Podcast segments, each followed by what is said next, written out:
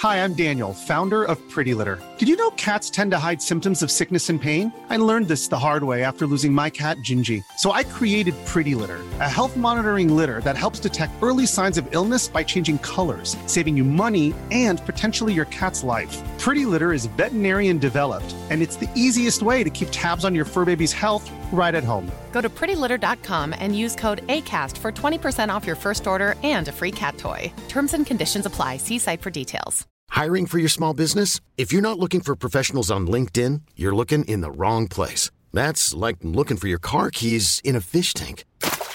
LinkedIn helps you hire professionals you can't find anywhere else, even those who aren't actively searching for a new job but might be open to the perfect role. In a given month, over 70% of LinkedIn users don't even visit other leading job sites. So start looking in the right place. With LinkedIn, you can hire professionals like a professional. Post your free job on linkedin.com slash achieve today.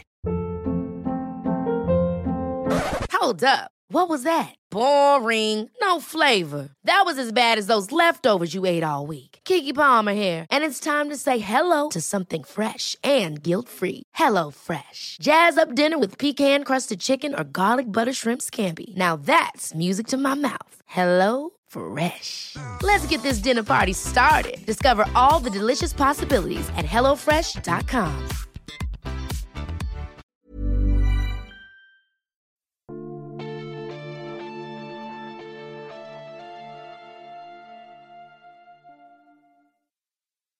Seriemördarpodden Fritz Harman del 2 Välkomna till Sagan om Isfolket-podden Avsnitt 52 Fritz Harman del 2 Jag heter Dan Och med mig har jag Anna Hej Anna! Hej Dan! Hej! Ja, senast när vi lämnade Fritz Harman, alltså Lynx i Isfolket eh, Tillsammans med hans unge pojkvän Hans Grans hade de precis flyttat in i sin lägenhet på 8 Neustrasse i Hannover Första juli 1921 De var kära och lyckliga och allting verkade bra Fast ingen hade, ingen hade något jobb, alla var kriminella Ja, men det var fint och bra. Och vi kanske ska börja, vi kanske ska varna lyssnarna för att nu pitchar vi upp det som ett lyckligt och bra. Men är ni det minsta äckelmagade så brace yourself, krama en teddybjörn och var beredd på att det här kommer bli en väldigt, väldigt obehaglig åktur. Det kommer att bli så obehagligt Ja. Väldigt mycket varning Ni har blivit varnade. Det här är grafiska beskrivningar av våld och övergrepp så att vi Känn er varnade. Känn er triggervarnade och content-varnade och allting annat. Men nu kör vi. Ja, det här Det är den 12 februari 1923 nu. Det har alltså gått eh, ett och ett halvt år sedan de flyttade ihop och det, det är ju trevligt. Och vi pratade ju i förra avsnittet, alltså del 1, om eh, att vi hade en ung 17-årig kille vid namn Fidel Rote som mystiskt försvann 27 september 1918. Ja Men det är ingen som bryr sig om det längre utan eh, allt verkar bra Det verkar inte som någon annan har dött heller Eh, Eller det, kommer, det har försvunnit massor med pojkar i Hannover under den här tiden Men vi vet att en 17-årig pianist vid namn Fritz Franke Kan man vara pianist vid 17 års ålder? Ja, det är uppenbarligen. Han har av någon anledning tagit sig till eh, Hannover centralstation Det var ingen bra idé för där träffar han Fritz Harman Åh nej! Och Fritz Harman då, för er som eh, har glömt bort vad vi pratade om i förra avsnittet, var ju känd av polisen som en brottsling. Han var känd som homosexuell. Men han jobbade också väldigt tätt med polisen som informatör och deras tjallare och hade deras förtroende. Ja, och, och specifikt uppdraget just att patrullera den här centralstationen. Så Fritz Harman var känd runt Hannover station som en av polisens eh, betrodda, vilket gjorde att han hade fria händer att göra lite grann som han ville och detta spelar stor roll i för den stackars Fritz Franke. Jag undrar varför Fritz Franke var på centralstationen. För det vet jag inte. Men har man kommit fram och säger så här, ska du inte följa med hem till mig istället? Och det tycker Fritz verkar vara en bra idé. Och i då den här lilla lägenheten på Neustrasse så får Fri- Fritz Franke träffa Hans Grans och två stycken kvinnor som bor där också. Det här är jättemärkligt för att har inte Fritz koll på att det är folk i lägenheten? Alltså kommer han hem med Fritz Franke här båda heter Fritz, men Harman kommer hem med Franke och där sitter Hans Grans och, och, och två tjejer, varav den ena är Hans Grans flickvän. Mm. Samtidigt som Grans faktiskt är Harmans pojkvän. Ja, Men det här måste ju på något sätt ha funnits någon slags medvetenhet om det från Harmans sida. ja det, det verkar så märkligt så att det inte blev löst också förstås. Men det, det kommer vi märka att de inte kan lösa någonting i nästa gång. När Hans Grans och de här två tjejerna går ifrån lägenheten så viskar Hans i örat på en av tjejerna. Där han i princip säger Fritz Franke kommer att bli stampad på idag. Eller han där kommer att bli stampad på idag. Och dagen efter, när de här två kvinnliga bekanta kommer tillbaka till Harmans lägenhet, så får de höra att, av Harman att nej men Fritz Franke har tyvärr rest vidare till Hamburg. Ja, det var inte så konstigt. Nej. För de kände ju inte honom och det är väl bara naturligt att han bor där en natt sen reser vidare. Det här kommer ju att ligga Hans Grans i fatet den här kommentaren För att senare kommer den här tjejen att vittna om att Hans Grans sa sådär Ja, det kommer bli en stor fråga Senare i avsnittet Men enligt Fritz Harman Så kom Hans Grans tillbaka Ja. Senare på kvällen Och då låg Fritz Frankes nakna kropp på Harmans säng och då hade Hans Grans i princip sagt Oj då, eh, när vill du att jag ska komma tillbaka? Precis, som visar på att han hade full koll på vad som pågick. Och det hör till saken då hur Fritz Harman dödar sina offer. För Fritz Frank är ju död. Ja. Harmans sätt att mörda folk är värt att prata lite om. Och det här är det riktigt vidriga. Så vi kommer bara säga det en gång. Ja, vi säger det en gång. Eh, för att när ni hör hur han mördar sina offer så, är det, så kommer ni undra om så kommer ni verkligen tvivla på att Grans var den oskyldiga lilla fjäril han senare vill framstå som. Ja, för att eh, standard var ju då han Fritz Harman måste få hem sitt offer hem till sig. Han vill döda hemma hos sig. Och han, han lockar dit sina offer med alla möjliga löften då. Alltid du får sova hos mig, du får jobba för mig, du, du är arresterad, du måste följa med mig hem. Ja, listan goes on and on. Men det blir ju en dejt där. Han bjuder på, dri- eh, på dricka och mat och eh, börjar liksom tafsa lite och pussas lite och de, de kan ha sex. Men någonstans under akten så blir Fritz Harman väldigt upphetsad och då vill han bitas. Och han vill bitas i halsen. Så att han hugger tag i adamsäpplet på sina offer. Och gnager sig igenom halsen. Och man vet att han har lämnat bitmärken på, eh, på själva ryggraden. Alltså, Så han har ätit sig igenom hela halsen. Det här är inte kärleksbett som man gör. Åh, jag gnafsar lite. Det här är alltså... Jag mår illa och jag har gjort 80 avsnitt av den här podden. Ja, jag har försökt hitta någon liknelse men jag bara nej men ni får bara tänka där. Vad som krävs en människa för att gnaga sig igenom ett adamsäpple ner till ryggraden.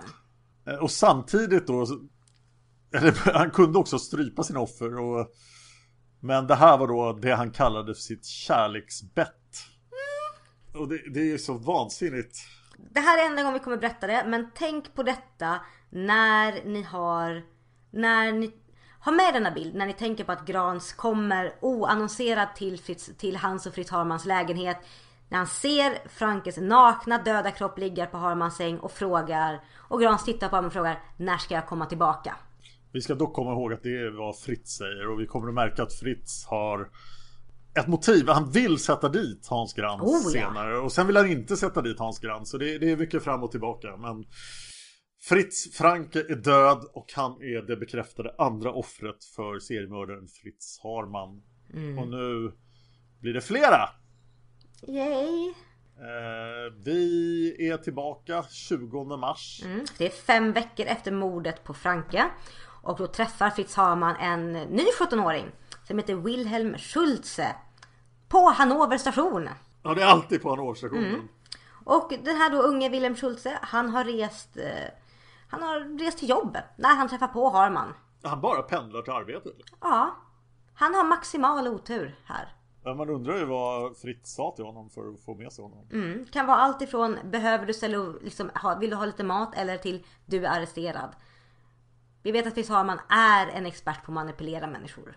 Men han har maximal otur den stackars Wilhelm Schulze. Och inget spår av Wilhelm Schulze har någonsin hittats. Nej. Men däremot har man hittat hans, mycket av hans kläder. Inte i Harmans ägo utan i Harmans, Hans hy- hyresvärd. hans hyresvärd Elisabeth Engel. Ja, det är till och med hans nästa hyresvärd. Det är alltså inte hyresvärden till det här lägenheten han bor i nu. Utan det är hans nästa hyresvärd. Hon hade Wilhelm Schultzes kläder. Mm, vilket tyder på att Harman behöll Schultzes kläder en rätt lång tid efteråt. Ja, tills han betalade hyran med dem. I princip. Och ja, som sagt inget mer spår blir någonsin hittade av Wilhelm Schulze. Men vi vet att två stycken, två ytterligare offer som tros ha blivit mördade på nummer 8 Neustrasse innan Harman flyttade ut ur den här lägenheten i juni. Och de är En 16-årig Roland Husch som försvann den 23 maj. Han hade berättat för en nära vän att han tänkte rymma hemifrån och gå med i marinkåren. Men istället blev han dödad av Fritz Harman. Vi har en 19-årig Hans Sonnenfeld som försvann någonstans runt den 31 maj 1923. Eh, Han hade en väldigt distinkt gul rock som Fritz Harman eh, sprang omkring med efter mordet. Och notera här att Harman är så säker på sig själv att han ändå kan ha på sig ett plagg som sticker ut så mycket. Det finns så mycket ledtrådar att det är Fritz som ligger bakom det här. Men det är ingen som fattar någonting. Och vi har redan alltså fem döda. Och det är förmodligen fler. Vi kommer att prata om det på slutet. Men vi är fem bekräftade mord. Fem bekräftade döda och kom ihåg också polisen är medveten om att Fritz Harman har en kriminell bakgrund och är känd som homosexuell. Ja. Men nu är det dags att flytta, eller hur? ja, det är dags att flytta till en etta. Och det var ju kul eftersom man bodde i ett, en lagerlokal. Så nu flyttar han till en etta som ligger på Schwei Rote Reihe. Den 9 juni. Ja, 9 juni 1923. Och bara två veckor efter det att han flyttat in på den här adressen, vi är alltså nu på den 25 juni, så är det så att en 13-årig pojke som heter Ernst Ehrenberg, som är son till Harmans granne, Ja, det här har ingenting med stationen att göra. Det Nej. är för grannpojken. Grannpojken försvinner när han springer ett ärende för sin far. Och senare hittar man hans skolhatt och hans, Tandställning. mm, hans tandställning. Notera det. Varför behåller man en tandställning? Ingen aning, men dessa två ting hittas i Harmans lägenhet efter man arresterat honom. Senare. Det här är ett argument för att aldrig någonsin släppa ut barn Nej. ur huset. På för riktigt. grannen dödar alltså den stackars 13-årige Ernst Ehrenberg. Mm. Och två månader efter detta, och kom ihåg, nu har man fortfarande inte blivit arresterad, men två månader efter det att Ernst Ehrenberg försvinner, och nu är vi inne i 24 augusti, så är det en 18-årig kontorsarbetare som heter Heinrich Sturz som rapporteras försvunnen. Det är hans faster som ringer in och säger att ja, min, eh, min brorson som jag bor tillsammans med är borta. Vet inte var han är. Nej, senare hittar man eh, en del av Heinrich Struss eh, tillhörigheter då i Harmans lägenhet. Eh, Men utredningen kommer ingen vart. Utredningen av alla de här morden kommer ingen vart. De bara, eh, vad är det som händer? Och en anledning till det är ju att de har inte hittat en kropp. Nej, de har inte hittat någon folk- kropp. Så polisen kan lätt säga, att de har bara rymt. Finns det ingen kropp, då bryr vi oss inte. Nej. Och har man också känd för att sälja och köpa andras, andras ägodelar i och med att han är involverad i den svarta marknaden. Ja. Det finns tusen bevis men inget som polisen riktigt kan tycka är tillräckligt för att sätta dit honom. För som säger, det finns inga kroppar. Och bara eh, en månad efter den här Heinrich Stusch har rapporterats försvunnen så mördas ytterligare en ung man, en 17-åring vid namn Paul Broniszewski. Bra uttalat. Eh, Och han försvinner när han reser till eh, Bochum, staden Bochum. Och den här unge Paul som har jobbat med sin farbror i Sachsen-Anhalt under sommaren bara försvinner. Utan ett enda spår. Ja, och det här är ju klassiskt försvinnande som ingen vet riktigt var han försvann. Alltså han var på det där sommarjobbet och sen skulle han åka hem men han kom aldrig hem. Så att, men eh, de, det här försöker polisen utreda och de upptäcker att eh, Broniszewski hade bytt tåg i Hannover. Oj, oj, oj. Så han var ju tvungen att vänta ett tag på Hannovers tågstation och då var det kört. Och det som vi vet härnäst är att det som vi tror att, att Harman dödar härnäst är på den 30 september 1923. Och notera att nu Nu har de börjat speeda upp takten. Ordentligt. Som vi vet om. Ja. Jag har tappat räkningen nu. Jag tror att det är sju döda. Jag tror det är sju döda också. Och den 30 september så är offret en 17-årig kille vid namn Rickard Gräf som senast hans familj hörde från honom så, hade han, så berättade han att han hade träffat en, eh, en person på Hannover station som kunde tipsa honom om ett bra jobb som var perfekt. Det var nog inget bra jobb. Det var inget bra jobb. Och bara två veckor senare, den 12 oktober, vad hände då Dan? Den 16-årige ynglingen från Gerden vid namn Wilhelm Erdner eh, kom inte hem när han hade varit på arbetet. Mm. Så eh, och det tyckte hans föräldrar väldigt konstigt. De eh, bad polisen utreda men polisen tyckte nej han har bara rymt. Det här har vi inte tid med. Men de utredde själva. Och då fick de reda på att Wilhelm hade blivit bekant med en polisdetektiv hmm. på Hannover station som heter Fritz Honnerbrock. Och det var ju då Fritz Harman som hade ett falskt namn. Mm. Men sen kom de inte längre. Senare fick man reda på då att eh, Harman och Hans Grans hade tillsammans sålt Willem Erdnes cykel den 20 oktober. Mm, Grans är alltså fortfarande med i bilden här. Ja, var kommer den här cykeln ifrån Fritz? Äh, det ska, jag köpte den, nu säljer vi den tillsammans. Absolut. Den kanske var, det kanske var en present till Hans och så ville Hans sälja den. Det vet man inte. Men det vi vet är att efter, bara en vecka efter att de har sålt den här cykeln så dödas två ytterligare offer. Och det är en 15-åring som heter Herman Wolf som försvann från Hannover station den 24 oktober. Och bara 13-årige Heinz Brinkman. Och där kan ett vittne säga att de såg Hans Brinkman stående i entrén till Hannover station vid klockan 11 den 27 oktober för att han missade sitt tåg hem till Klausthal. Ja, och tänkte en stackars liten 13-åring står på tågstationen mm. klockan 23 och det är, säkert går nästa tåg nästa dag. Och så står han där, vad ska jag göra? Jag kommer inte med tåget. Och så kommer Fritz Harman och bara, hej, jag vet var du kan bo i natt. Mm. Stackars Heinz. Stackars Heinz och stackars Herman. Och vi går vidare till den 10 november 1923 Dan. Ja, den 17-årige snickarlärlingen från Düsseldorf vid namn Adolf Hanappel försvann från Hannoverstationen. Flera vittnen har sett honom sitta på en resväska i väntrummet.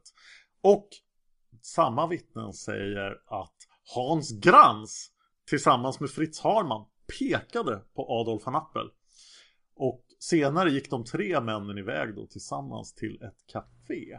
Det här är intressant för vi har ju tidigare sagt att lite grann att ja men visste Hans Grans vet han inte vad stämmer med Prins Harman säger men här har vi vittnen som faktiskt säger att de jobbar tillsammans. Ja och det här är inte bra för Hans Grans. Nej. En månad senare, 6 december, så försvinner 19-årige Adolf Hennis. Han sökte jobb i Hannover och eh, han har aldrig hittats. Men eh, Fritz Harman har erkänt att han har styckat Adolf Hennis. Men han erkänner inte att han har dödat honom. Mm. Och eh, det låter ju underligt. Men Fritz har mera historier att berätta om det här mordet. Han säger att han kom hem till sin lägenhet. Och det, jag tycker det är väldigt oklart var Hans Grans bor någonstans nu. Man verkar ju inte bo hemma hos Fritz Harman. Nej, de verkar, ha, de verkar bo separat men ändå hänga mycket hos varandra. Ja. Och, eh, och det verkar som att Hans Grans har nyckel hem till Fritz Harman i alla fall. För Fritz kommer hem, eh, säger han, och där hittar han eh, Hennis då liggande i sängen, naken. Mm. Och där står Hans Grans och en, en en brottsling som heter Hugo Witkowski. Och Hugo Witkowski kommer tillbaka i historien lite nu och då. Han verkar vara en kompis till Fritz och Hans Grans. Mm. Eh, och Hugo och Hans säger till Fritz Fritz, det här är en av dina. Eh, och i och med att Fritz Harman och Hans Grans kommer att skylla på varandra i rättegången så blir ingen dömd för mordet på Hennis. Nej, det är väldigt värt att ta upp att ingen döms. Nej. Det här var alltså 1923 eh, Nu har jag tappat räkningen på riktigt. Är vi på 12 mord kanske? Jag tror vi är på 12 eller 13 mord ja. Ja. Men nu går vi in på 1924 Ja det blir inte så mycket bättre då. Nej. Och 1924 kickar igång redan den 5 januari. Oj. Då 17-årig Ernst Spiegler försvinner. Ja en vän till honom vittnar om att han hade blivit bekant med Fritz Harman strax innan han försvann. Fritz Harman, eh, eller man hittar tillhörigheter, saker som tillhörde Ernst Spicker i, i, i Fritz Harmans lägenhet senare. Och tio dagar senare så, alltså den 15 januari så är det dags igen. Fritz Harman mördar en 20-åring utav Heinrich Koch. Som han också verkar ha varit bekant med innan mordet. Alltså han hade känt honom åtminstone flera dagar. Mm. Och i februari så vet så, så, tror vi att Harman har dödat två stycken ytterligare offer. En 19-årig kille vid namn Willy Schenger som bara försvann från förorten av Linden Limmer på 2 februari. Och efter att ha informerat sin syster om att han skulle resa med en vän. Säkert via Hannoverstationen. Förmodligen. Och det andra offret är 16-årige Herman Speichert som såg senast av sin syster den 8 februari. Jag tycker det verkar som att Fritz har blivit oförsiktig i det här. Här mm. är det folk som han umgås med i flera dagar, i alla fall de här två första. Men han har alltså den 8 februari redan mördat fyra personer. Mm. 1924. Ja. Vi är uppe på, ja vi är snart, alltså vi är snart uppe på 20 stycken. Och märkligt nog så blir det ett uppehåll här på kanske 7-8 veckor innan det är dags igen den 1 april. Intressant. Mm. Och då tror man att han har mördat en bekant till honom igen. Som heter Herman Bock. Mm. En bekant alltså. Inte igen. Vi ser liksom att han blir oförsiktig som du säger. Han plockar inte upp rymlingar från, på Hannover station. Utan nu går han på folk han känner. Ja, det här mordet kommer Fritz Harman inte bedömd för. Men han hade Herman Bocks tillhörigheter mm. i sitt hem. Han har givit bort Herman Bocks resväska till sin hyresvärd. Och han har kontaktat flera av Herman Bocks släktingar och försökt hindra dem från att rapportera om någon som saknad. Mm. Men sagt, han var lite oförsiktig men nu går han tillbaka till sitt vanliga mönster. Vi ser detta den 8 april då 16-årige Alfred Hogreffe försvinner från Hannover station. Efter att ha rymt hemifrån från Lerte 2 april.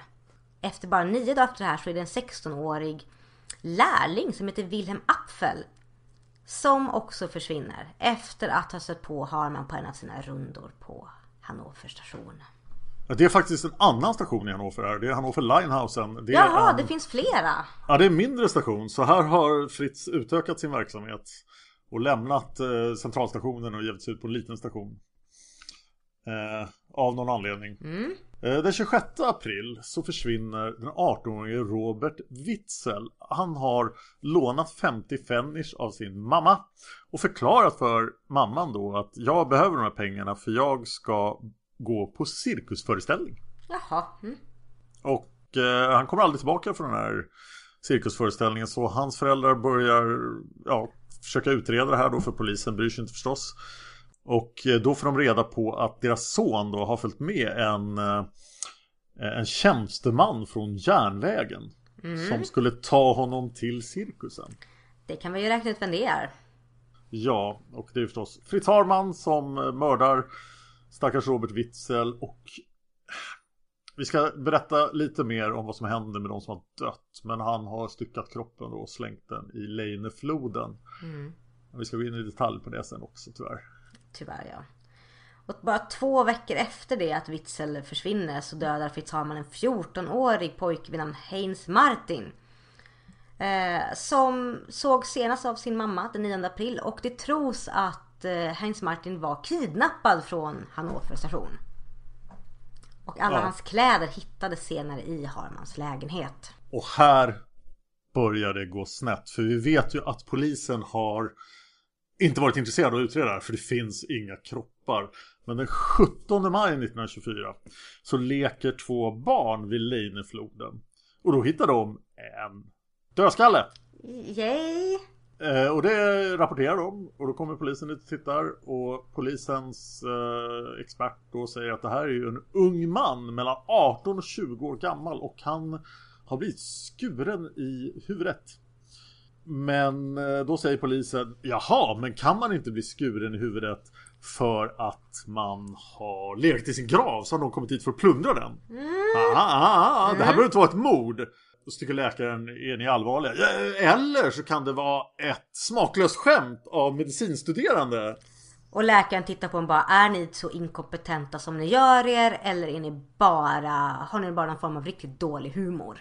Jag har också en idé, säger en polis. Det är möjligt att någon har slängt den här skallen i floden eh, uppför floden vid Alfeld. För där har de precis haft ett tyfusutbrott där massor av folk dog. Så då bara hivar de en skalle i floden. Och så rann den hit. Så att vi behöver inte utreda det överhuvudtaget. Så att de utreder inte det där alls. Nej. Och läkarna bara, ni är ju dumma i huvudet på riktigt. Ja, och då är vi tillbaka till eh, Fritz Wittisch. Som då den 26 maj Eh, han har jobb som resande försäljare vid 17 mm. års ålder. Han kom från Kassel och han åkte till Hannover för att sälja sina varor, vad det nu är för något. Och eh, han är framgångsrik. Fritz är en duktig försäljare, så han har en ny fin kostym. Mm.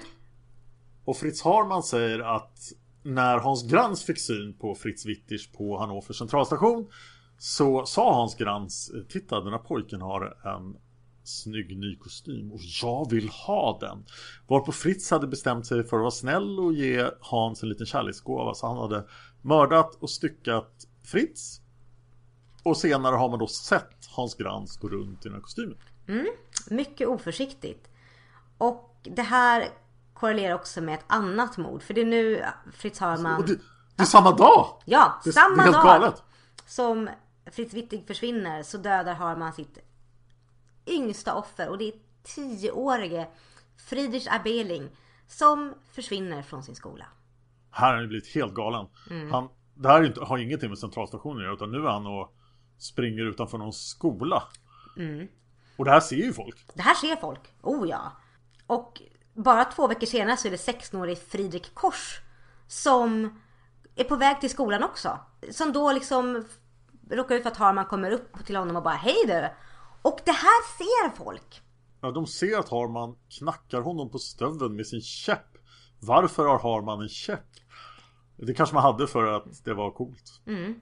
Och så säger han äh, Pojk, känner du inte igen mig? Mm. Och det här är väldigt konstigt så det lägger folk märke till. Precis. Och slutligen, det sista offret som Fritz Harman dödar är 17-årig Erich de Vries som sker den 14 juni. Och platsen där de träffas är såklart Hannover station. Ja, nu har det hänt en del saker på annat håll här då. För polisen försöker ignorera att barnen hittade en dödskalle i floden. Mm. Men den 29 maj så hittar någon en till dödskalle. Och det blir det jobbigt för polisen. Hur mycket kan de ignorera detta egentligen? Hur mycket kan de skylla på? Ja, och ex experten kommer dit och säger det här är också en ung pojke mellan 18 och 20 år och polisen tycker så här, så här inte dags för kaffe så, här, så de, de struntar i att utreda det. Mm. Men kort därefter hitta, leker två pojkar i, på, ett, eh, på en åker och eh, där hittar de en hel säck full med människoben. Och det här, kan polisen ignorera en säck full med människoben?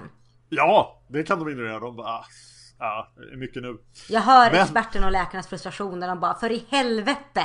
Eh, det är hemskt att jag skrattar åt det här men det är så här, hur kan det här fortgå? Mm. För det fortsätter fram till den 13 juni där folk hittar två dödskallar till. En på Leineflodens strand och en vid, vid en vattenkvarn då i västra Hannover. Och det finns tydliga tecken på de här skallarna att ryggraden har skurits av med ett kirurgiskt verktyg. Den ena skallen tillhör en man i eh, övre tonåring och den andra tillhör en pojke då mellan 11 och 13 år gammal. Kanske Friedrich Abeling. Mm. Och den ena skallen visar tecken på att bli skalperad. Och det är värt att notera att alltså, skallarna är intakta. Mm. Eh, och Fritz Harman kommer senare hävda att han aldrig lämnade intakta skallar. Mm. Kom ihåg detta. Och nu, vad gör polisen nu? Nu har de ju det, det, nu har de ju liksom de här grejerna. Experterna står så här, fast det här kan ni inte ignorera. Ja, det, sen ett år tillbaka har det ju cirkulerat massor av rykten i Hannover att det försvinner ju massor av unga pojkar. Och någon, någon då civilperson hade räknat ut hur många som saknades. Och bara under 1923 och den här siffran är helt otroligt hög bara under 1923 så hade 600 pojkar och unga män försvunnit i Hannover 600 600 stycken och då antar jag att de flesta har faktiskt rymt hemifrån. Mm. Men för Fritz Harman har inte dödat 600 personer. Den 8 juni så eh, ja, bildas ett Folk går ihop, det går ut och kom och leta efter kroppsdelar. För nu är det så att vad polisen än säger så är det så här, det är någonting som ligger i Leinefloden. Någonting händer. Varför spåras upp dödskallar? Polisen kan mörka det mycket som helst men vi vill ha svar. Så de bestämmer sig för att kringgå polisen och helt enkelt gå skallgång här och se om de hittar någonting. Eh, och till slut agerar också polisen och hjälper till med att dragga floden. Den delen som går genom centrala Hannover. Mm, notera enbart den delen. Ja, och i den här skallgången och draggningen så hittar man 500 människoben. Det är väldigt mycket. 500. Jag tror ingen kunde väntat sig när han draggade att skulle hitta 500. Jag tror att de hade räknat med att vi kanske hittar någon av pojkarna, någon kropp. Men 500! Ja, givetvis kommer många av de benen från samma person och det får polisens experter. En, en rättsläkare får uttala sig och han sitter där och pysslar med de här kroppsdelarna och kommer fram till att det är minst 22 olika personer. Många av de här har ju knivmärken på sig. Ja, och hälften av eh, benen hade visat tecken på legat länge i floden då. Men andra hälften var helt nyligen dumpat i floden. Oj oj. Och flera av de här benen, både de som är nyligen dumpade och de lite gamla. De har bevisat att de har blivit styckade. Ja, av någon som var duktig på att stycka också verkar det som. Över 30% av kvarlevorna verkar ha kommit från män mellan 15 och 20 år gamla. Men det låter väldigt lågt tycker jag. Men det är vad man kan... eh, kan jag, skulle gissa på att om man hade gjort en, en undersökning på det här idag skulle vi nog fått ett mycket högre procenttal. Och nu händer någonting fantastiskt. Polisen börjar utreda det här. Äntligen! Och det är ännu mer fantastiskt att de faktiskt, när de börjar titta sig omkring så börjar de faktiskt misstänka Fritz Harman väldigt snabbt. För att de vet att han är homosexuell. Ja, de tänker så här, vem vet vi som ger sig på unga pojkar?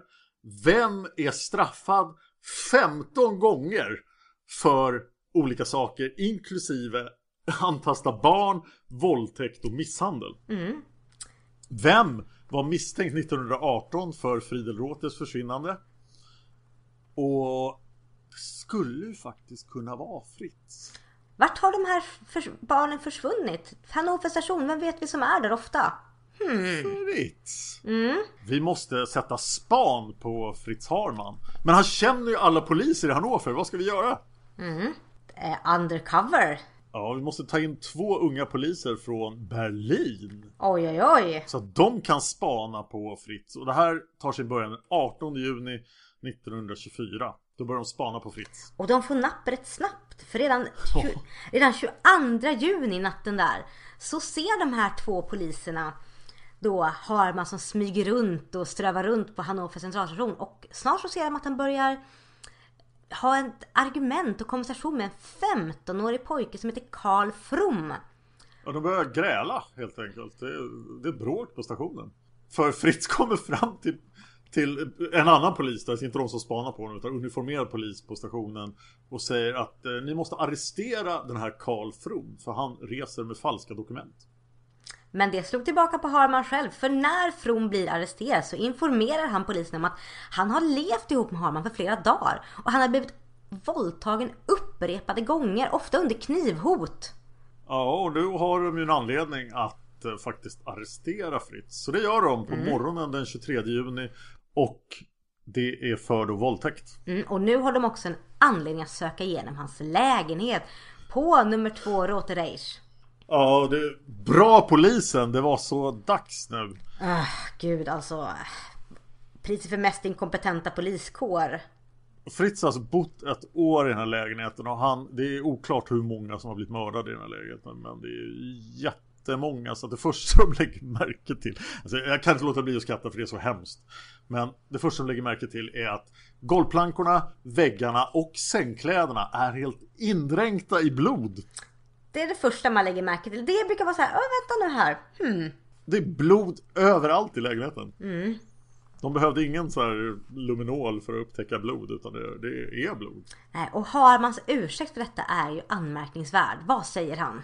Han säger ja men det är ju för att jag har slaktat kött. Jag har ju köpt smuggelkött och sen sålt det. Då måste jag ju slakta det.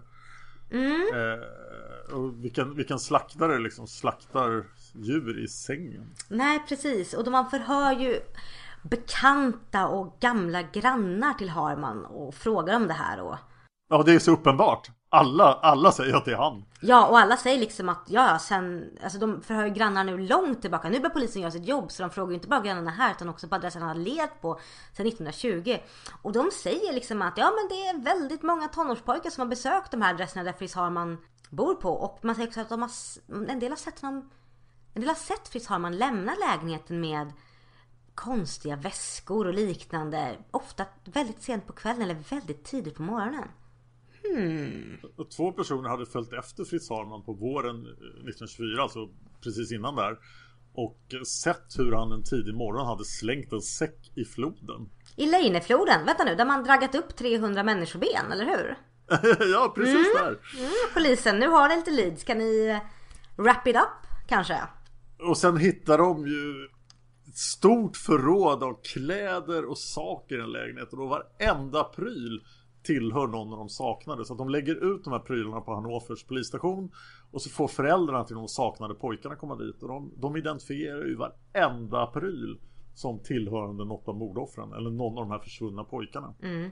Och Fritz Harman säger att ja men det här är ju en ren slump. Det här handlar ju om att jag har fått på mig de här grejerna för att jag handlar med mycket objekt och på svarta marknaden. Ja, han bara mördaren måste ha sålt de här grejerna till mig, vilken slump. Och en del är så här, ja men jag, det är unga pojkar som har velat ha sex med. De har, läm- de har glömt sina saker hos mig. Ja, det, det är förstås också någonting som har hänt. Men den 29 juni då så hittar man, eller så identifierar man då kläder, stövlar och nycklar som tillhörde just Robert Witzel som försvann. Mm, den här 18-åringen. Ja, och man hittar en dödskalle. I trädgården. Ja, hans dödskalle hade man Ja. hittat i, i en trädgård tidigare. Eh, Så man visste att han var mördad. Och här är hans saker. Han var inte bara försvunnen, han var mördad. Eh, och en vän till Witzel eh, hade sagt då att ja, Witzel hade träffat en polis dagen innan han försvann. Och han pekar ut Fritz Harman som den här polisen. Då säger jag, men Fritz hur förklarar du det här? Och han försöker ju att ta sig ur detta men sen kommer det här slutgiltiga som får honom att bryta ihop. Och det är att... Ja, först och främst så hittas ju Robert Witzels jacka. Den hittas i förvar och i ägande av Harmans hyresvärd. Ja det är hon Elisabeth Engel och hon har ju massor av grejer som tillhör Harmans offer. Att inte hon har reagerat över detta är ju ett under. Ja det verkar ju som att han betalar hyran med pojkkläder. Och sedan så är det flera som vittnar mot Harman. Ja man hittar så här förstörda namnlappar, alltså borttagna namnlappar från kläderna. Och när han konfronteras med all den här bevisningen så bryter Fritz ihop.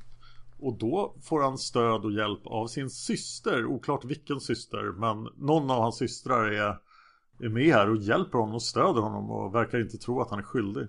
Eller så tror hon det. Ja, oklart. Hon uppmanar honom i vilket fall att eh, bekänna. Om han har gjort någonting. Fritz, har du gjort någonting så får du berätta om det. Men jag tror inte hon riktigt är beredd på vad han sen berättar. För nu erkänner Fritz Harman. Nu erkänner han. Och vad erkänner han? Han erkänner att han har våldtagit, dödat och styckat så många unga män i vad han kallar en galen sexuell passion.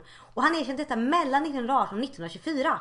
Han säger att så här, egentligen hade han inte tänkt att mörda någon. Men så här, när man har sex så här, då vill man ju jättegärna gnaga sig igenom sin partners adamsäpple. Nej, det vill man inte. På riktigt. När man, när man kommer, verkar det som också. Faktiskt. Jo, ja. Mm. Han sa också att en, eh, en kille hade faktiskt lyckats fly från det här. Att han hade, när han märkte att Harman försökte bita honom med adamsäpplet så hade han stuckit. Och, men han hade inte anmält det till polisen. Nej. Och ja, nu rullas ju hela den här soppan upp i en rasande fart ska man säga. Ja, ska jag berätta vad Fritz säger? Mm. Ja, om gör hur, det. hur han gjorde av med kropparna? Det här är... Jag ja. gör det för jag kanske måste spy ifall jag berättar. Ja, Fritz sa att han hade styckat och gjort sig av med kropparna. Och han, han insisterade på att det här var otroligt äckligt. Han tyckte inte alls om att stycka människokroppar utan det var någonting han gjorde för att det var nödvändigt. Första gången han gjorde det var han sjuk I'm Sandra, and I'm just the professional your small business was looking for. But you didn't hire me because you didn't use LinkedIn jobs. LinkedIn has professionals you can't find anywhere else, including those who aren't actively looking for a new job but might be open to the perfect role, like me. In a given month, over 70% of LinkedIn users don't visit other leading job sites. So if you're not looking on LinkedIn, you'll miss out on great candidates like Sandra. Start hiring professionals like a professional. Post your free job on linkedin.com/achieve today. Hi, I'm Daniel, founder of Pretty Litter. Did you know cats tend to hide symptoms of sickness and pain? I learned this the hard way after losing my cat, Gingy. So I created Pretty Litter, a health monitoring litter that helps detect early signs of illness by changing colors, saving you money and potentially your cat's life. Pretty Litter is veterinarian developed, and it's the easiest way to keep tabs on your fur baby's health right at home. Go to prettylitter.com and use code ACAST for 20% off your first order and a free cat toy. Terms and conditions apply. See site for details. Ever catch yourself eating the same flavorless dinner three days in a row? Dreaming of something better? Well, HelloFresh is your guilt-free dream come true, baby. It's me, Kiki Palmer. Let's wake up those taste buds with hot, juicy pecan-crusted chicken or garlic butter shrimp scampi. Mm. Hello Fresh. Stop dreaming of all the delicious possibilities and dig in at HelloFresh.com. Let's get this dinner party started.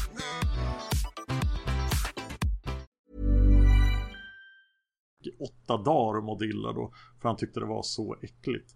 Men passionen där när man hade sex att bita folk i adamsäpplet och tugga sig igenom deras nacke. Den var mycket starkare än mödan av att stycka upp någon. Så att han var ju tvungen. Det var mer så åh nej nu gjorde jag det igen. Så, här, så måste jag. Och det tog vanligtvis eh, upp till två dagar att stycka en kropp då. Eh, För att få modet att genomföra de här styckningarna så var Fritz tvungen att dricka en riktigt stark kopp kaffe. Mm, kaffe är viktigt och bra. Sen la han kroppen på golvet och täckte över ansiktet med, med en, en duk. Offrets ansikte eller sitt eget. Alltså det är offrets ansikte för att han inte, han ville inte se det. det var ju... Sen skar han upp magen, tog ut inälvorna och stoppade dem i sin speciella slaskhink. Eh, sen stoppade han in handdukar i, i maghålan då för att suga upp blodet. Så gjorde han tre snitt mellan offrets reben och axlar för att då kunna ta tag i rebenen och trycka ordentligt till axlarna bröts. För då skulle kroppen bli mer lätthanterlig. Och sen tog han ut hjärtat, lungorna och njurarna. Skar dem i bitar och la dem i slaskhinken. Sen var det dags att skära av benen och armarna.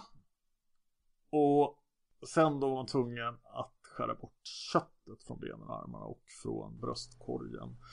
Och, och, nu var ju slaskhinken ganska full så att det här överskottsköttet då hävdar ju Fritz Hamann att absolut inte sålde till någon. Utan han, han spolade ner i toaletten men tydligen fungerar tyska toaletter bättre än engelska toaletter så han åkte inte fast som Dennis Nielsen gjorde på grund av att det blev stopp i rören på grund av allt människokött utan det här gick bra. Om Men- han nu gjorde spola ner det med toaletten och inte sålde det. Precis, och senare sa han väl att äh, jag slängde nog det mesta kroppet, eh, det mesta köttet i, i floden.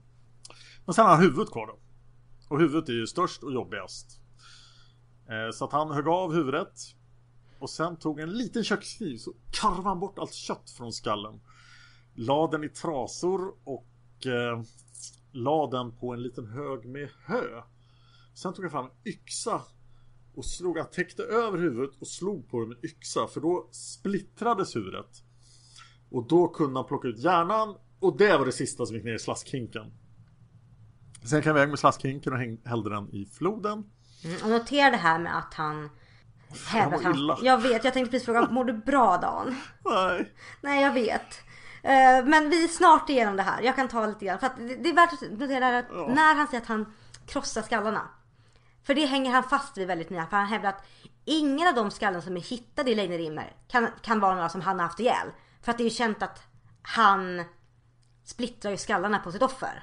Det är alltså väldigt möjligt att det fanns en till seriemördare i Hannover. För vi kommer att märka när den här podden fortsätter att 20-talet i Tyskland är en period för otroligt hemska seriemördare. Så det kan mycket väl ha funnits en till i Hannover som då gick fri. Men mycket pekar ju på att det var Fritz Harman. Ja, förutom det här med skallarna. Det Förutom det här med han- skallarna. Just han erkänner så mycket men det är han verkligen. Att det här, liksom jag, alla mina offer splittrar skallen på. Så att det kan inte vara, de, de som hittar ner är inte, det är inte mina offer. Ja. Problemet är att allting annat verkar pa- passa in på hur han hanterar det. Både liksom hur han använder knivar för att få bort köttet från skallen och liknande. Det är, det är mycket som passar in även fast det är en liten detalj som inte gör det. Ja, det är utredare som har hävdat då att Fritz Harman faktiskt bara erkände de brotten som, där det fanns övertygande bevis mot honom. Och han har också sagt att det finns offer som ni inte känner till men det är inte de ni tror. Mm, så har man erkänt att han har mördat flera som, ni, som de inte vet vilka det är. Ja, åtalet kommer att gälla 27 mord. Men Fritz Harman har också uppgett att han har dödat någonstans mellan 50 och 70 personer. Eh, Hans Grans blir arresterad den 8 juli när de inser att han förmodligen var inblandad. Han kommer också bli åtalad då. 16 augusti 1924 så är det dags för en ny psykologisk utvärdering av Fritz Harman. Kan han ställas till svars för sina gärningar? Den sker vid Göttingens medicinskola och tar över en månad. Den 25 september kommer läkarna på Göttingens medicinskola fram till att eh, Fritz Harman inte är galen utan kan skilja mellan rätt och fel och då han är, det är dags för rättegång helt enkelt. Så nu är det rättegång! Ja. Nu är det rättegång och rättegången för Fritz Harman och Hans Grans börjar den 4 december 1924. Harman ställs inför rätta med eh, för att han ska ha dödat 27 stycken pojkar och unga män som har försvunnit mellan september 1918 och juni 1924. Och Harman erkänner 14 av de här morden. Men han förnekar inte de andra 13 utan han säger att han är osäker. Han har alltså dödat så många att han inte kan hålla reda på dem. Och det är värt att ta upp här att han, så här, han är så här, "Eh, jag, jag minns inte. Hans Grans däremot, han tycker det var inte jag, jag vet ingenting. Va? Är Fritz en mördare? Åh, hemskt! Ja. Det, rätten bestämmer sig till slut att folk ska få, allmänheten ska få tillträde till domstolen. Men eh, den tredje dagen när de ska gå in på de riktigt otäcka detaljerna, då slänger de ut alla. Det här är den första stora, det första stora mediamordet i Tyskland. Det här går ut över hela Tyskland. Det väcker otroligt mycket uppmärksamhet. Och det har beskrivits som det, det, det äckligaste fallet i hela tyska kriminalhistorien. Och Fritz Harman får ett antal trevliga titlar som Slaktaren från Hannover, Hannovers vampyr eller Vargmannen. Nej, det är... Nej. Och Harman, han under rättegångarna, han... Han har inte, han hävdar ju att alla brotten har råkat hända. Han hade aldrig tänkt att mörda någon. Och det är ett fullständigt mysterium för honom själv varför han mördar folk. Men det var han, ju inte meningen. Nej, det var inte meningen. Men han bekänner att jag har dödat 14 av de här offren. Och jag har sålt väldigt många av deras tillhörigheter. Men han förnekar att han har sålt deras kroppsdelar som alltså kött. Kom ihåg nu detta i 1920-talet, det var ont om kött så att så här, det är en av grejerna han står inför rätta för också. Och folk köpte och sålde kött på svarta börsen. En medicinsk expert vittnar den 6 december, tredje dagen på rättegången då, att han har undersökt allt kött som hittades i Fritz Harmans lägenhet. För det fanns förstås också kött i lägenheten. Och det var sant, det här var smuggelkött. Det var griskött som, som hade smugglats. Det var inte människokött och det köttet som hittades vid husrannsakan. Men det behöver inte betyda att Fritz inte hade sålt någon människokött tidigare. Precis. Och nu kommer vi till den här att nu ska Fritz Harman börja identifiera sina offer och titta på fotografier av dem. Ja, och då blir han tjurig. Och vill säga nej, nej. Nej det vill jag inte göra, usch nej. Nej, och när de pressar honom så rycker han på axlarna och säger så, Ja, det var förmodligen jag eller Ja, ni kan ju lägga det på mig också, det är okej med mig. Och när han konfronteras med en bild på offret Alfred Hågrefe och då säger han Jag antar att jag dödade Hågrefe men jag kommer inte ihåg hans ansikte.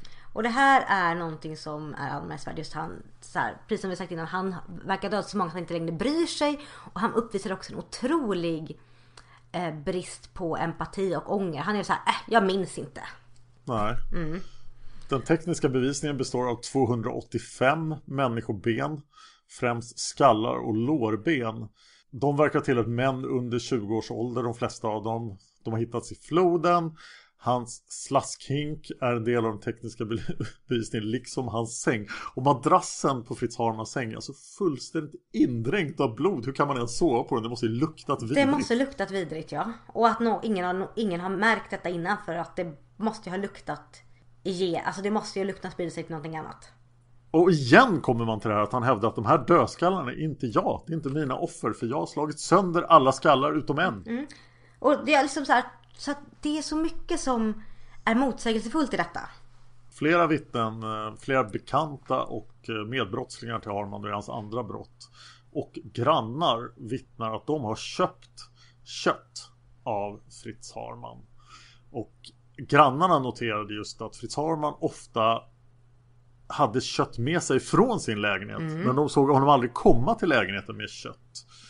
Och hans hyresvärd eh, Elisabeth Engel vittnar att Harman skulle regelbundet hackade eller så här, hällde hackade bitar av kött i kokande vatten. Ja, han skulle här, frigöra köttet från fettet. Mm. Kan, man, kan man göra det? Jag vet inte. Alltså man kan göra det om man, alltså det är ju då man gör buljong. Men att har man, har man hävdat att detta var fläsk. Ja. Och sen hällde han fettet i flaskor. Vad gjorde han med dem då? Ingen aning.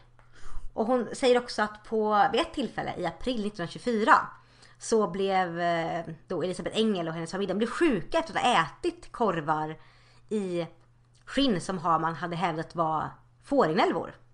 En annan granne vittnade att eh, många pojkar kom till Fritz Harmans lägenhet men hon såg sällan några pojkar gå därifrån. Och den här grannen hade antagit att Fritz Harman sålde pojkarna till Främlingslegionen. Och sen bara, jaha, Fritz säljer pojkarna till Främlingslegionen. Ja, det ska jag inte då, rapportera om. Då är det ingen fara, det gör jag också. Mm. Och det är en annan granne som vittnar att han har sett Harman slänga en säck med ben inne, eller i Reinefloden. Det har vi sagt innan. Och det verkar som att Hans Grans eh, hänger med tjejer ganska ofta då och, och gillar tjejer. Mm. För att han har två tjejer vittnar att eh, de och Hans Grans kom hem till Fritz lägenhet av någon anledning. Och då stod en eh, soppkastrull och kokade. Och i den låg det någonting som såg väldigt mycket ut som en människomun. Så de tog den här och gick till polisen och sa vi hittade Fritz Harman kokar människomunnar. Men polisen sa nej det är ju ett gristryne och ha dumma ungar ut med er. Herregud. Och hade polisen agerat på det då hade minst tio personer överlevt. Ja.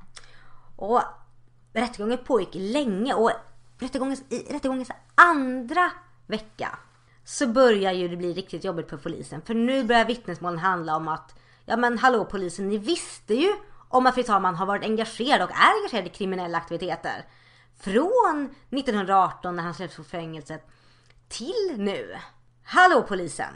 Ja, det, det kommer ju ingenting av det här. Polisen ställs inte för, till ansvar på något sätt. Men det blir i alla fall ifrågasatt.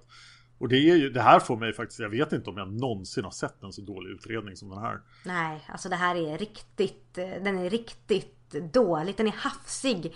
Och det är så mycket som faller mellan stolarna. Och jag kan inte avgöra om det faller mellan stolarna på grund av att man inte orkar ta tag i det för att man tycker det är så vidrigt. Eller man bara inte bryr sig. Det är ju, det stora felet är att det inte finns någon utredning överhuvudtaget. Att de inte drar igång. Och här tror jag nog att eh, Ja, det är homosexuella, det är utsatta. Det är precis som när Green River Killer ger sig på prostituerade. Det är ingen som bryr sig. Det här är en föraktad grupp i samhället och mm. det gör ingenting. Och vi har inga kroppar så att de är säkert, de har säkert bara rymt. Man vet ju hur de där homosexuella är. Ja och då har vi ändå så här att det här är något som har hänt väldigt nära i tiden. Rättegången hålls nära, hålls nära in på en för att de här pojkarna försvinner. Och vi har också ett stort uppbåd av familjer och anhöriga till de här pojkarna som ändå pressar på. Men trots det behandlas det på det här sättet. Ja, det, det är en sån skandal så det finns. För rättegången den varade i knappt två veckor. 190 stycken vittnen var kallade. Ja. Och där har vi då föräldrarna till offren som då så här, fick frågan kan du identifiera din sons ägodelar? Mm. Och det var polis, befäl, psykiatriker, bekanta som kände både Fritz Harman och Grans. Ja. Den 19 december 1924 så drog sig rätten tillbaka då för att diskutera domen. Harman bedömdes vara eh, vid sina sinnens fulla bruk och ansvarig för sina handlingar. Han befanns skyldig till 24 av de 27 morden och dömdes till döden genom halshuggning. Han blev friad för tre av morden.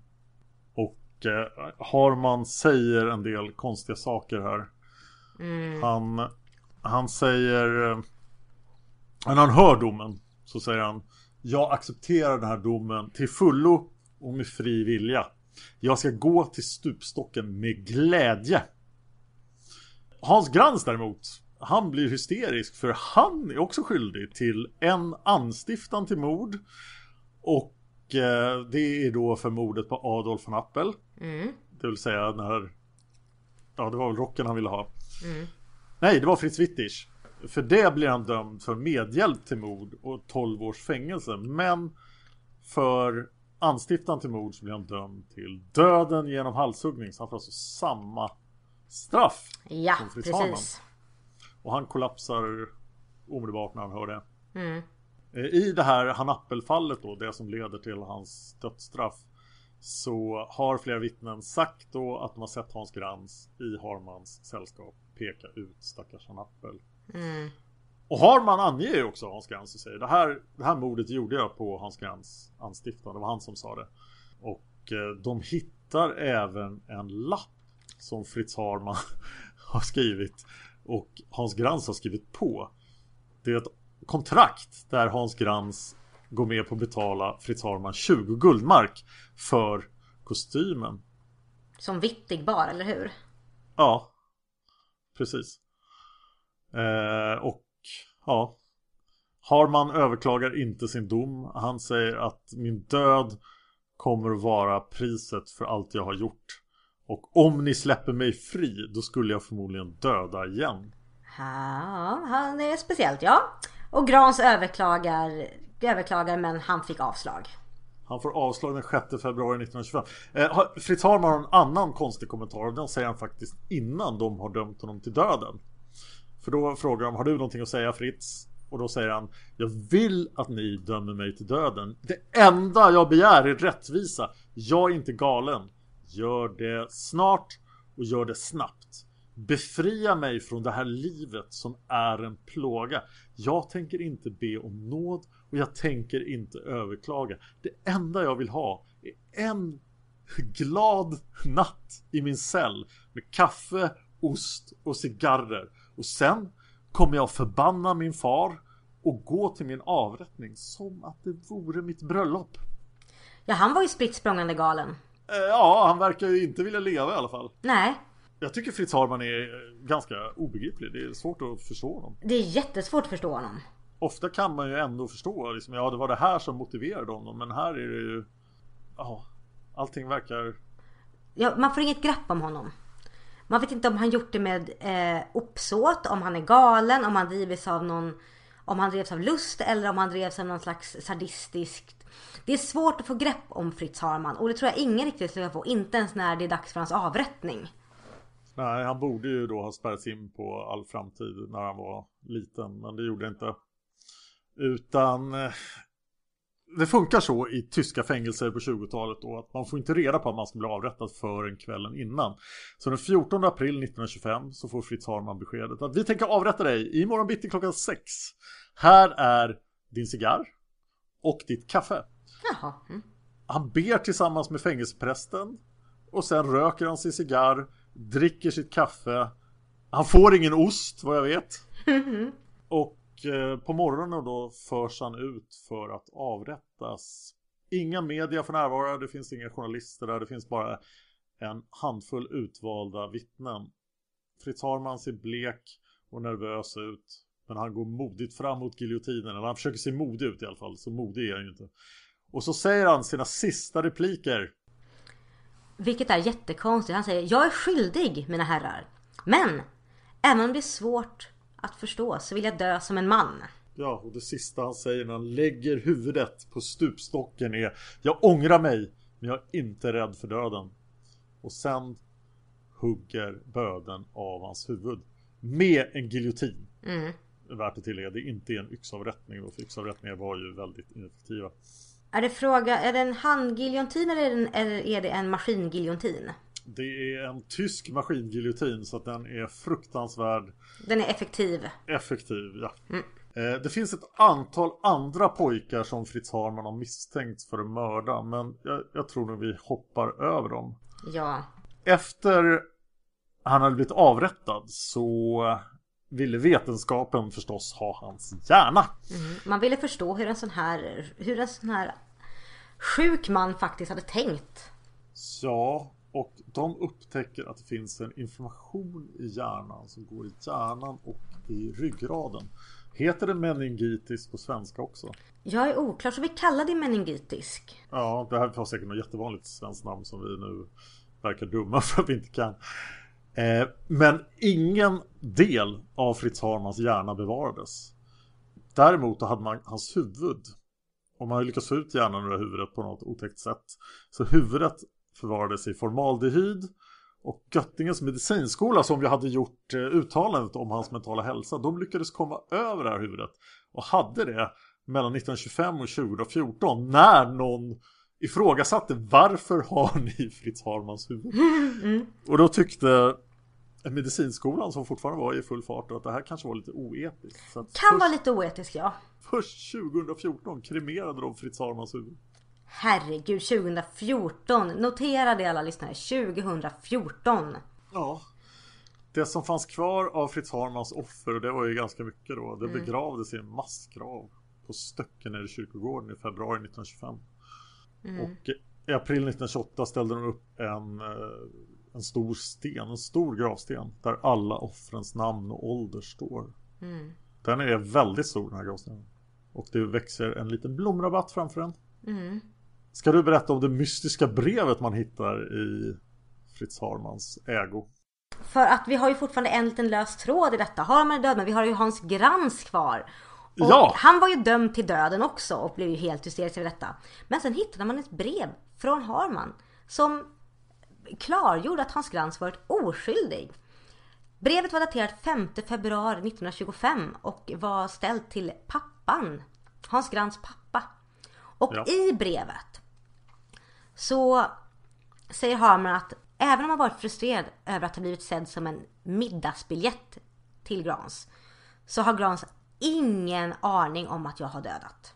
Vidare säger Harman att många av de anklagelser som han slungade ut mot Grans kom sig av att han befann sig under extrem press och också de två fallen då gällande Hanappel och Witzel där Harman sa att det här gjorde jag på anstiftan av Grans. Det var något han sa för att få hämnd på Grans. Ja, jag tror jag också måste nämna mordet på eh, en pojke som hette Keymes. Eh, för Keymes hade eh, försvunnit. Vi, han har vi inte nämnt. Det här är ett av de fallen som Fritz Harman misstänks för. Eh, han hade rapporterats saknad redan den 17 mars 1922 och hans nakna bundna kropp hade hittats i kanalen den 6 maj 1922. Så här hittas ett lik alltså. Och Eh, han hade blivit strypt. Han hade inte blivit styckad. Och i hans hals så fanns en näsduk.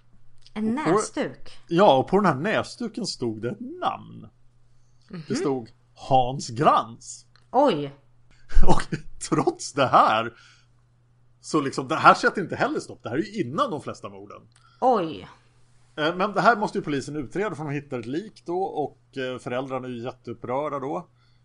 Eh, Men precis innan kroppen har hittats så har föräldrarna blivit kontaktade av Fritz Harman. Som Jaha. säger Er son är försvunnen, jag kan hjälpa er att hitta honom. Men vi vet inte om föräldrarna tog det erbjudandet eller inte. Men Fritz Harman hade även gått till polisen och sagt att han trodde att Hans Grans hade mördat Keynes. Det var alltså innan kroppen hittades. Men Hans Grans hade ett alibi. Han satt häktad för en stöld. Jaha. Och bakgrunden till det här, det var alltså Fritz Harman förmodligen som mördade Keymes och försökte sätta dit Hans Krantz. Och bakgrunden till det, och en del av deras skumma relation, var att två veckor innan Keymes hade försvunnit så hade ha, eh, Fritz Harman återvänt från ett kortare fängelsestraff. Och då hade han upptäckt att Hans Grans som hade nyckel till hans lägenhet hade sålt alla hans prylar. Och cashat ut hans pensionscheckar som han ju fick från Nej militären. men gud. Och då hade han vräkt Hans Grans sagt de hade bråkat och sen hade han helt enkelt försökt sätta dit Hans Grans för mord. Hans Grans var också jättearg och, och kom tillbaka tillsammans med det Hugo Witkowski som vi nämnde tidigare. Ja. Och, och plundrade lägenheten en gång till tog de nya sakerna som Fritz Harman hade köpt. Men sen då efter att polisen misslyckades med att utreda det här så hade de blivit överens igen. Och eh, mordet på Keynes är fortfarande olöst. Och var aldrig med i rättegången. Vilket är ju jättekonstigt. Det är verkligen konstigt. Men han sagt det var en otroligt inkompetent eh, utredning. Ja, och när det här brevet kommer fram som ju faktiskt låter som en förfalskning. jag, Ja, definitivt. Så blir det en till rättegång mot Hans Krantz. Han får eh, överklaga då, eller han blir, rättegången tas om. Han blir åtalad för samma saker. Han blir skyldig till båda sakerna, men straffet ändras. Så istället för döden och 12 års fängelse så får han 12 års fängelse och 12 års fängelse. Men domarna avtjänas parallellt. Så att han Det får blir bara alltså- 12 år. Ja, det blir 12 år och han sitter mycket riktigt i fängelse i 12 år. Jag undrar lite grann vad som händer med Hans Grantz sen, för han kommer alltså ut, han är dömd homosexuell. Och han kommer ut 1938 från fängelset. Och det anmärkningsvärda är att han flyttar inte. Utan han fortsätter bo i Hannover fram till sin död. Ja, Hitler och nazisterna får inte tag i honom. Vi vet ju vad som hände med homosexuella i Ja. Tredje riket. Utan eh, Hans Grantz klarar sig och eh, bor i Hannover ända fram till 1975 när han dör av ålder. Det är anmärkningsvärt. Morden som Fritz Harman utförde då väckte en enorm debatt i Tyskland. En debatt om polisens utredningsmetoder. En debatt om hur man behandlar mentalsjuka brottslingar. Och dödsstraffsdebatten.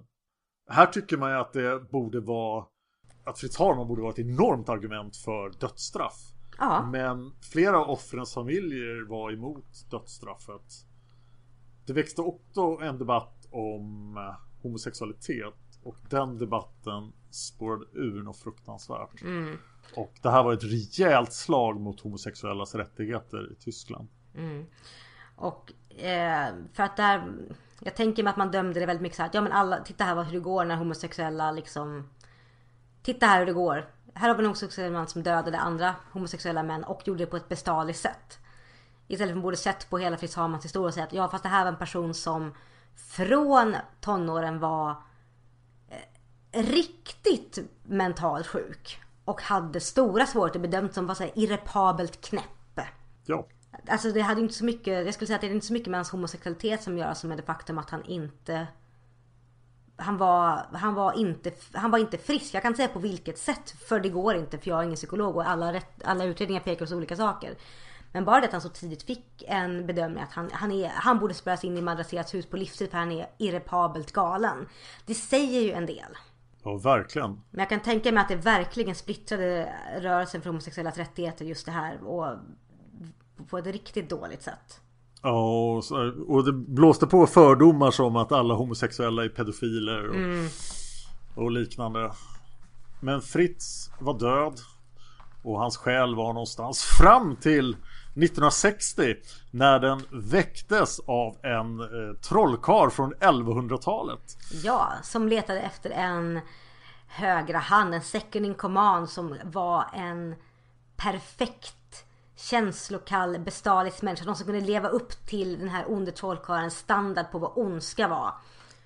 Och då var det Fritz Harman som vann den kampen. Men tyvärr så slutade även Fritz Harmans andra liv när han besegrades av ärkeängeln Lucifers son Marco i en liten dal i Norge. Där mötte Fritz Harman döden för andra gången där han ställdes till svars för sina onda handlingar. Och där slutar vi historien om Fritz Harman. Jag tror, Äh. jag tror det kommer dröja tills jag tar upp någon av de andra seriemördarna från från 20-talet i Tyskland. Jag vet att Peter Kürten vill folk höra men jag, jag tror jag väntar lite grann. Kan vi inte podda om kattungar nästa gång? Ja, och enhörningar Ah. och regnbågar Ja, vad som helst annars alltså. Det här så... och glass. Ja, alltså... Som du säger, man blir riktigt illamående. Ja, nu hoppas jag ju då att ni som lyssnar på Seriemördarpodden kommer att läsa Sagan om Isfolket och lyssna på vår podd. Vi har alltså läst en bok eh, och sen poddat om den. Det finns 47 böcker i Sagan om Isfolket så ni behöver inte leta efter nya böcker att läsa när ni väl har börjat på ett tag. Eh, och så hoppas vi att ni som lyssnar på Isfolket-podden även blir intresserade av att höra om andra hemska seriemördare i Seriemördarpodden. Mm, precis. Det var jättekul att du ville göra det här med mig Anna. Ja, tack så jättemycket för att jag fick vara med och göra det. Ja, vi kanske ska prata lite formalia om Isfolket-podden här. För vi har ju bestämt oss för eh, att göra någonting som jag tror ni kommer uppskatta. Vill du berätta Anna? Nej, du får berätta. Ja, vi ska nu dra igång med Häxmästaren. Häxmästaren är ju då för er andra. Den and Isfolket är ju en romanserie på 47 böcker, men det är också första delen i en trilogi av romanserier. Och den andra delen av trilogin är Häxmästaren. Det är bara 15 böcker. Men vi ska göra samma sak där nu. Vi ska läsa varje bok av Häxmästaren och sen podda om den i Isfolket-podden. Så nu vill vi att ni går till isfolket.se, går in på forumet och berättar vad ni tycker om bok 1 i Häxmästaren. Mm, precis. Vi behöver er input för vi kommer använda den i podden och vi tycker väldigt mycket om att höra vad ni lyssnare tycker och tänker. Så ge oss riktigt många svar så kommer vi få ett riktigt bra avsnitt för att kicka igång den 15 bokserie. För att kicka igång den 15 serier långa. Precis, och då tar vi också all formalia som vi brukar ta upp i Isfolket-podden som jag tänkte vi skulle skona seriemördarpodden lyssnarna ifrån som iTunes-recensioner. Ja. Var kan lyssnarna hitta mer av dig Anna? Ja, jag finns på Twitter, heter Anna Seras. Där twittrar jag rätt regelbundet om allt mellan himmel och jord. Sedan så har jag en blogg som heter sunaseras.blogspot.se och den är kopplad till en Facebook-sida som heter Sunaseras. Alltså. Och jag blir väldigt glad när ni går in och följer mig där. Jag lägger upp regelbundet saker om både Isfolket-podden och lite andra saker jag tycker är intressant. Samt även mina bloggposter och de gånger när jag, YouTube, när jag gör YouTube- YouTube-videos så hamnar det också där. Så gilla gärna min blogg och gilla min Facebook-sida Sunaseras så blir jag hemskt glad. Och Dan, vad kan man hitta mer av dig? Man kan hitta mig på Instagram som Dan Hörning. Man kan hitta mig på Twitter som Dan Horning.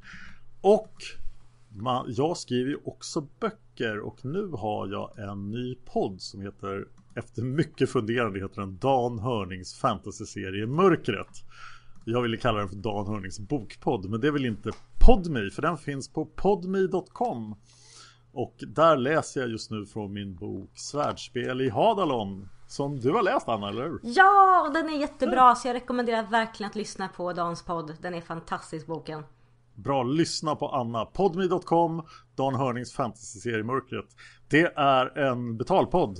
Det kostar 29 kronor i månaden att lyssna på den. Men det är det värt! Det är det så värt. Ja, och det finns också väldigt begränsad mängd eh, kvar för innan jag får tag på nytt förlag och nytrycker den. Men det får ni höra mer om i Bokpodden. Mm, Men in och lyssna på Dans eh, podd om Svärdspel i Hadalon. Ni vill inte missa episka fighter, bakfulla alver och också frågan med att hur gör man egentligen när man är ung och faktiskt är kär för första gången? Det är ju en fantasybok så att, men jag har gått så långt ifrån Sagan om ringen och episk fantasy jag kunnat göra utan det är en lättsam actionkomedi i fantasymiljö med våld, humor och sex. In, ingen Fritz Harman-våld dock. Nej! Ingen blir uppäten. Nej. Hoppas jag, jag måste tänka efter. Nej, ingen blir uppäten. Nej. Folk blir bakfulla däremot. Ja, och så innehåller den sexscener som jag blev tvungen att ta bort från mina senare böcker. Va? att- Ja, det var... Folk störde sig så mycket på sexscenerna i Svärdspel Hadalon att de inte kunde se någonting annat när de läste boken. Wow! Det, det berättar jag mer om i min intervju på Seriemördarpodden Premium. Och i Bokpodden kommer den också att publiceras när Josefin Måhlén intervjuar mig om mina böcker och mina jobb. Det ska bli jättespännande att lyssna på för det är jag nyfiken på att höra hur folk har tänkt runt det. Spännande! Ja, nu ska vi nog sluta. Ja, ha det bra allihopa! Ha det bra! Hej! Hej!